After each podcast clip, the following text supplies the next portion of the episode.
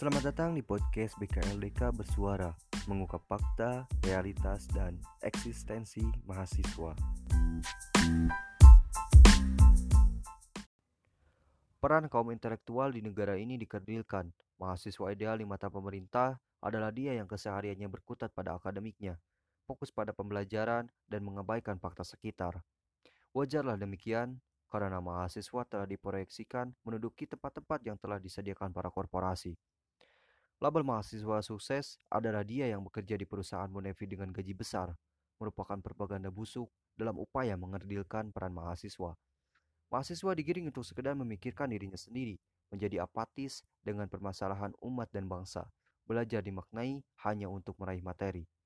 Maka jangan heran, mereka mudah terbeli. Nasib masa depan bangsa tertutupi dengan ambisi-ambisi pribadi, mahasiswa ber-IPK tinggi yang apolitis seolah lebih terhormat daripada aktivis yang menyuarakan suara umat. Inilah yang mengukuhkan peran mahasiswa hanya sebatas sekrup-sekrup yang memperkuat hegemoni korporasi.